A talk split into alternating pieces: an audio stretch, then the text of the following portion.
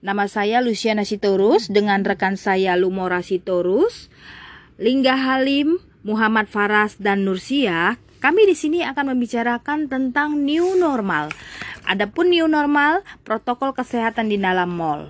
Sekarang, eh, mall-mall sudah boleh dibuka, penerbangan sudah boleh melayani rute ke mana saja. Mengapa sih terburu-buru dilakukan? Padahal angka penderita COVID-19 masih di angka tinggi. Siap-siap memasuki era kehidupan normal baru alias di normal, tak terkecuali bagi para pekerja, tak hanya karyawan, industri bahkan di mall pun wajib mengikuti protokol kesehatan saat akan melangkah di new normal, bekerja di tengah pandemi COVID-19. Kementerian Kesehatan merilis protokol tatanan baru di tempat kerja, perkantoran, dan di mall. Adapun di mall, new normal tuntut kesadaran tinggi dari masyarakat untuk menjaga diri ada beberapa poin pada pengunjungnya.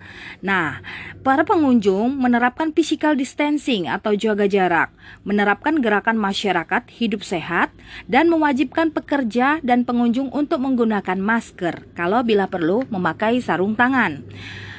Kini kalangan pengusaha menunggu lampu hijau dari pemerintah untuk menjalankan tatanan normal baru.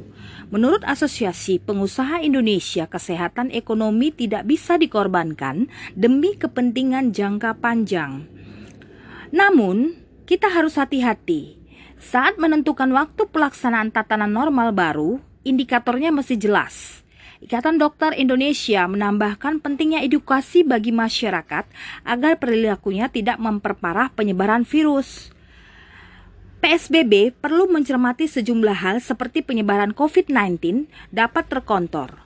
Selain itu, fasilitas kesehatan termasuk rumah sakit harus mampu untuk melakukan identifikasi, tes pelacakan, dan karantina akibat COVID-19. 19. Adapun poin new normal protokol kesehatan di mall, ada beberapa poin yang harus dilaksanakan oleh para pengunjung maupun para pekerja yang di mall. Nanti akan dijelaskan oleh rekan saya. Terima kasih.